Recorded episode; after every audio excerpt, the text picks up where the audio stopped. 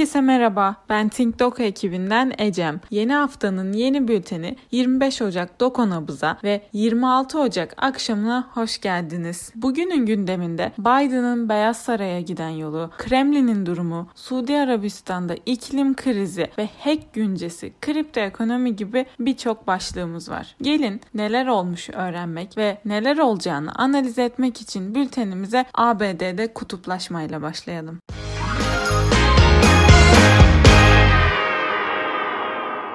Kara para Biden'a Beyaz Saray yolunu açtı. Joe Biden bilinir destekçi gruplarının dışında anonim bağışçılardan topladığı miktarla bu alanda bir rekora imza attı. Bu durum kamunun Biden'ın gerçek destekçilerini asla bilemeyeceği anlamına geliyor. Trump'a yöneltilen gayrimeşru faaliyet suçlamalarının ardından Biden'ın kimliği meçhul bağışçılardan olağanüstü miktarda para toplaması ve haliyle kendisi ve destekçileri arasındaki ilişkinin doğasının da meçhul kalması fazla fazlasıyla düşündürücü. Biden'ın başkanlık dönemine hızlı başlaması, Bağdat patlaması ve Amerikan askerlerinin Irak'a yeniden konumlandırılması düşünülünce aradaki iktisat da sorgulanıyor. Bu durumun komple teorisi gibi anlaşılması bir yana Biden döneminin dış politikasının belirsizleşebileceği ve bize irrasyonel gelen bazı hamlelerin yapılmasında muhtemel olduğu açık. Fakat biz kongre baskını bu kadar tazeyken bu haberin fazla etki alanı bulamayacağını düşünüyoruz. Aynı zamanda uygun bir bağlam bulması durumunda da bu haberin Biden idaresine ciddi sorunlar yaşatması muhtemel. Bu anlamda Biden idaresinin dış politikada irrasyonel tutumlar sergilemesi, Trump taraftarlarının mevcut idareye karşı bu kanaldan neşet eden meşruiyetsizleştirme saldırıları ve yükselen politik risk diğer beklentilerimiz arasında.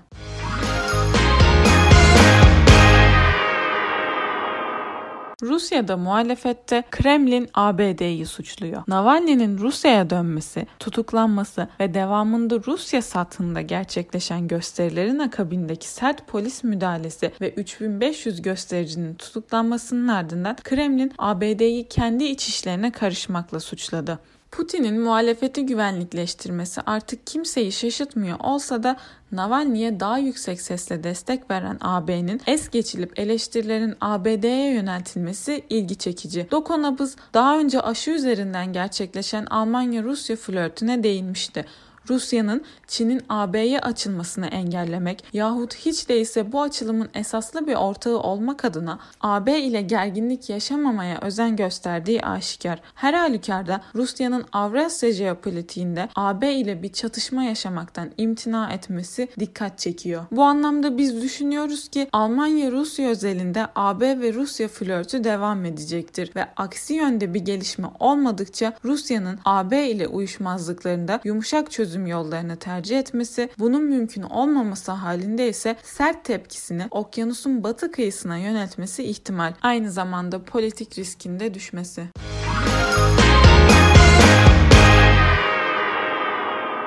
İklim krizinde Suudi Arabistan. Suudlu petrol devi karbon ayak izini %50 düşük göstermiş. Yatırımcılarına rakipsiz rezervlerle ulaşım, trilyon dolarlık bir şirketten pay ve çevre dostu yatırım vaat eden Aramco'nun karbon ayak izini %50 düşük göstermek suretiyle ekolojik güvenliğe ciddi bir tehdit yarattığı anlaşıldı. Peki neden önemli? Trump döneminin sonunda gerçekleşen körfez normalleşmesine rağmen Biden döneminde Suudi Arabistan'ın ABD ile olan ilişkilerini eskisi kadar rahat olamayacağı bilinen bir gerçek. Kaşıkçı cinayetiyle birlikte mesafeli bir şekle bürünen Suud-Amerikan ilişkilerinin Biden döneminde de bu eğilimini devam ettirmesi bekleniyor. Bununla birlikte bu tip gelişmelerin de demokratlar tarafından Suudilere karşı kullanılması fazlasıyla muhtemel. Etkisini her geçen yıl daha da etkin bir şekilde hissettiğimiz iklim değişikliğinin ekolojik güvenlik meselesi gittikçe ön plana çıkaracağı muhakkak olmakla birlikte siyasal doğuculuk çerçevesinde çerçevesinde hareket etme temayülü olan Biden iktidarının da bu duruma ağırlık vermesi muhtemel. Bununla birlikte Biden'ı iktidara taşıyan kara paranın varlığı belirgin bir analizi imkansızlaştırıyor. Ancak bizim yine de bazı beklentilerimiz var elbette. Peki bunlar neler? İlk olarak Suudi Arabistan'ın bir ekolojik güvenlik sorunu olarak ortaya çıkması, Biden iktidarı ile Suudi Arabistan arasında gerilen ilişkiler, Yalnız buraya dikkat, Biden'ı iktidara taşıyan kara paranın menşei Suudi Arabistan yahut bir müttefiki ise bu beklenti ters yönde de değişebilir. Aynı zamanda Körfez normalleşmesi esnasında Birleşik Arap Emirlikleri ile Suudi Arabistan arasındaki kopuşun derinleşmesi muhtemel ve tabii ki de yükselen politik risk.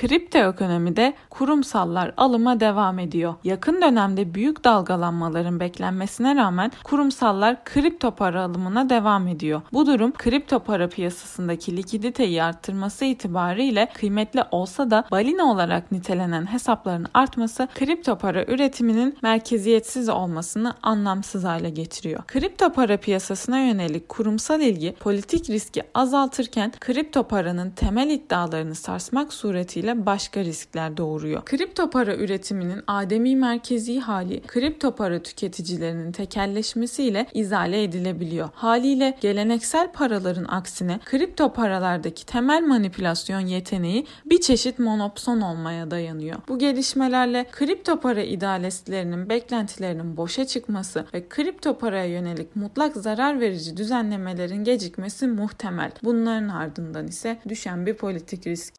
Bye.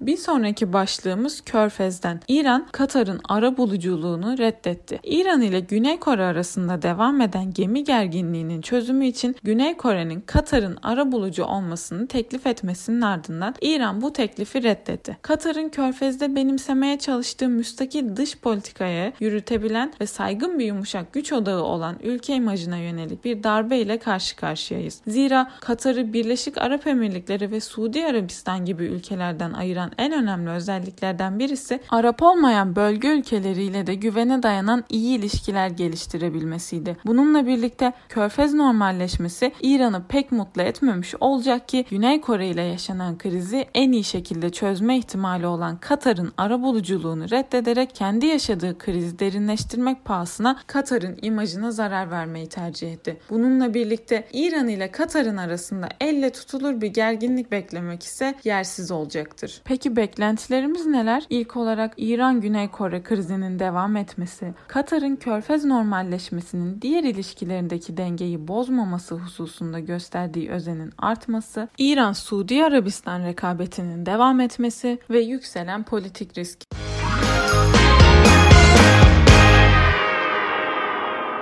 Bir sonraki başlığımız hack güncesinden. İngiltere'de öğrencilere verilen laptoplarda malware tespit edildi. İngiltere'nin Bradford kentinde öğrencilerin evlerinden sürdürdüğü eğitimlerini desteklemek için devlet tarafından verilen dizüstü bilgisayarlardan bazılarının zararlı yazılım içerdiği ortaya çıktı. Rusya'daki sunucularla iletişim kurduğu anlaşılan zararlı yazılımın nasıl bulaştığı bilinmiyor. Uzmanlar bu bilgisayarların çocuklara gönderilmeden önce kontrol edilmemesini endişe verici olarak değerlendirdi. Covid-19 salgını döneminde hızla yükselen siber tehditler kimi zaman devlet destekli aktörler, kimi zaman da siber suçlular veya hackerlar tarafından çeşitli kanallardan yaygın hale gelmektedir. Özellikle uzaktan eğitim ya da uzaktan çalışma durumunda olan insanlar kolayca hedef olabilmektedir. İngiltere'de hükümetin öğrencilere dağıttığı laptoplarda bulunan zararlı yazılım da salgın zamanında insanları hedefleyen siber tehditlerden biri olarak karşımıza çıkıyor. Rusya Rusya menşeli olduğu tahmin edilen fakat nasıl ve hangi amaçla sızdığı bilinmeyen zararlı yazılım ülke genelinde bir endişeye neden olabilir. Siber güvenlik zafiyeti olarak değerlendirilebilecek olan bu olayın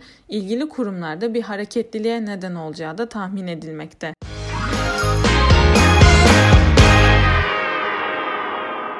25 Ocak bülteninin son başlığı ise tekno siyasetten. Google, Avustralya hükümetini arama motoru kullanımını devre dışı bırakmakla tehdit etti. Avustralya hükümetinin dijital platformları medya şirketlerine haber içeriği için ödeme yapmaya zorlayan bir uygulamayı yasallaştırması halinde Google, Avustralya'daki arama hizmetlerinin durduracağını söyledi. Söz konusu açıklama hem Avustralya'da hem de uluslararası alanda tehdit olarak algılandı. Söz konusu açıklamanın ardından ardından Avustralya Başbakanı Scott Morrison bu tehditlere boyun eğmeyeceklerini açıkladı. Açıklamanın ardından Avustralya'nın önde gelen medya kuruluşları yasanın en kısa zamanda geçmesini istediklerini belirtti. Peki bu neden önemli? Uzun zamandır ABD'de Trump yönetimiyle ve bazı demokratlarla başı dertte olan Google sahip olduğu dijital hakimiyetin verdiği güçle artık hükümet tanımaz bir hale geldiği konusunda eleştiriliyor. Son yaşanan Avustralya vakasından sonra bu eleştirilerin dozu daha da yükseldi. Çünkü bu durum ilk defa bir şirket bir devleti tehdit etti şeklinde algılandı. Dijital alandaki hakimiyet ve küresel ekonomik güç sayesinde adeta küresel güç gibi hareket eden Google ABD'den sonra Avrupa ve diğer ülkelerle neredeyse çatışma içerisinde. Hükümetin istek ve taleplerini hiçe sayması bir yana yapılan iç yasal düzenlemelere bile açıkça karşı koyabiliyor. Bu durum dünyada oldukça yankı buldu ve endişelere yol açtı. Peki bu gelişmelerle bizim beklentilerimiz neler? Google'ın tehditkar diline karşı Avustralya çok sert adımlar atabilir. Bu ilk düşüncemiz. İkincisi ise dünyada Google'a karşı süre gelen tepkiler artabilir ve son olarak başta Avrupa ülkeleri olmak üzere son yaşananlardan sonra Avustralya gibi ülkelerde Google'a antitrust ve benzeri davalar açabilir.